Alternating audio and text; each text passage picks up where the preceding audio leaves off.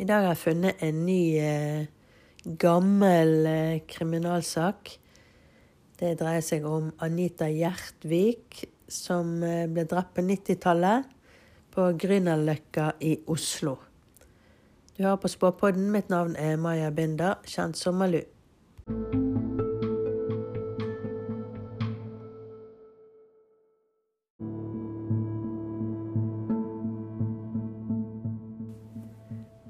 For å forklare saken sånn eh, kort, da, så ble hun Anita Gjertvik. Hun var 39 år gammel, og hun ble funnet drept i eh, leiligheten sin i januar 1995. Eh, hun hadde fortalt venner og sånn at hun hadde en tidligere venn som hun var redd. Og det var hennes tidligere samboer som ble arrestert av politiet. Men han ble sluppet ut igjen, og så krevde han erstatning for det. Eh, at han ble liksom urettmessig eh, arrestert. Men han tapte den erstatningssaken, og så ble han seinere funnet død. Så det er saken sånn eh, kort fortalt. Og så skal jeg gå inn i saken og så se hva jeg får opp på dette, da.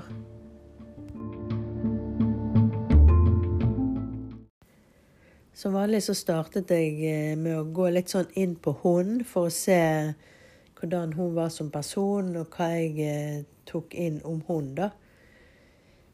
Og det ser ut som at på den tiden her, så det ser ut som hun hadde litt sånn mye rot i hodet. At hun antagelig hadde litt sånn uoppgjort med samboeren. Pluss eh, litt rot rundt den andre, altså den tidligere vennen her, antagelig. Det eller så er det en annen igjen. Altså jeg får at det er to personer her som Hun føler ting hun, hun lander ikke, hun slår seg ikke til ro fordi det er uoppgjorte ting eh, rundt henne. da. Så ser det ut som at eh, hun lot seg på en måte litt sånn manipulere eller overtale. At hun kanskje var litt for snill. At eh, hvis noen sa noe, så istedenfor å høre på seg sjøl, så gjorde hun kanskje det som de Altså for å være snill, så gjorde hun det som de mente, eller det som de sa. Så jeg får akkurat som hun lot seg manipulere eller overtale litt. Eh, på den måten at hun sto ikke alltid i seg sjøl. Så hun kan ha vært for snill, eller for lett påvirkelig, da. Og det ser ut som at hun ville bare være glad. Hun ville ha en ny start. Altså, hun ville bare være glad og ha et godt liv. Så jeg så litt på han eh, ekssamboeren. Og det ser ut som at han mente at dette forholdet her var ferdig. Um, altså at det var noe sånn praktisk eller kanskje økonomisk eller noe, et eller annet som skulle løses. Uh, at det sto igjen. Uh, men det ser ut som han godtok bruddet, og at han så det som slutt. Så det ligger ikke liksom direkte noe konflikt der, syns jeg. Så gikk jeg litt inn på han eh, tidligere venn, eller han som hun hadde sagt at hun eh, fryktet litt, da, for å se hvordan han var som person. Eh, han er litt, får jeg opp, litt mer manipulerende. Det er akkurat han visste at han kunne presse. At hun ikke klarte å si nei eller å avvise. Så det er akkurat han visste at hvis han spurte om noe og pushet og pushet, og pushet, så ga hun seg, eller da fikk han det som, som han ville. Um, og at uh, altså han så hun som at hun hadde litt problemer med å stå opp for seg sjøl. Og der ser det òg ut som det er noe som har med penger å gjøre. Uh, litt usikker på hvem som gir hvem penger, for det er noe med penger. Eh, og lureri, altså noe med å føle seg lurt, fikk ikke pengene tilbake. Jeg tror egentlig at det er han som låner av hun. Altså ikke nødvendigvis han som gir hun penger, men at kanskje han får noe penger av hun eller noe sånt. For jeg, jeg får samtidig at, han, at dette er en mann som ikke likte å jobbe.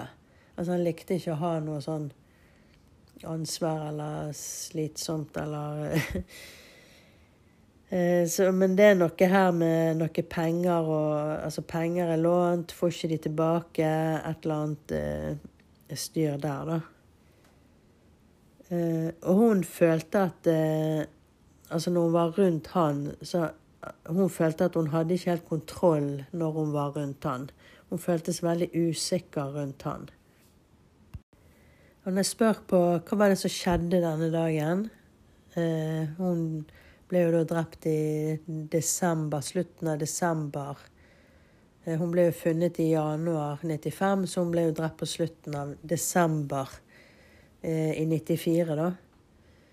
Um, og da er det Altså, jeg blir liksom vist en krangel, og at hun føler at noen skubber opp døren.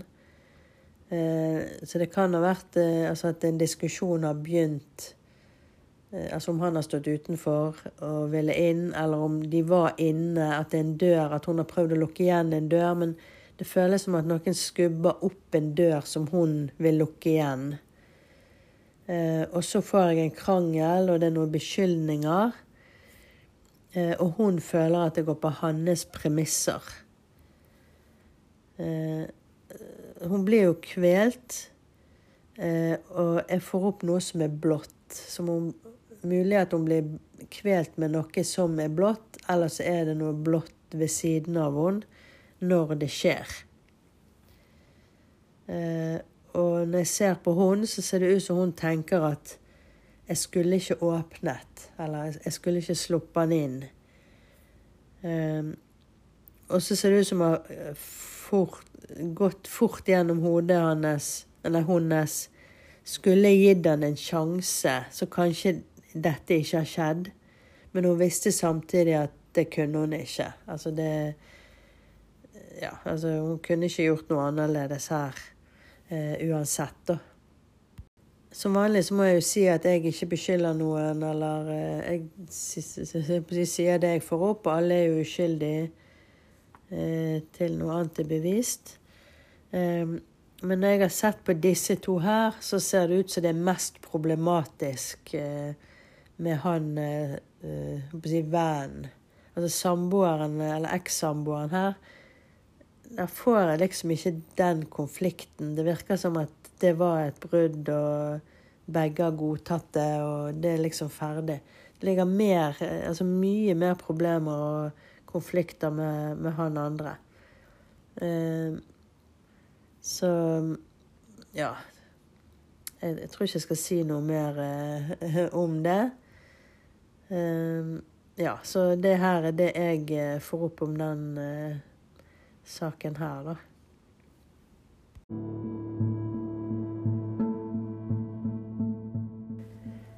Så da gjenstår det bare å si takk for denne gangen, og husk å sende tips til saker som eh, jeg kan se på. Da sender du det til post malu.no. Du har hørt på Spåpodden. Mitt navn er Maja Binda, kjent som Malu.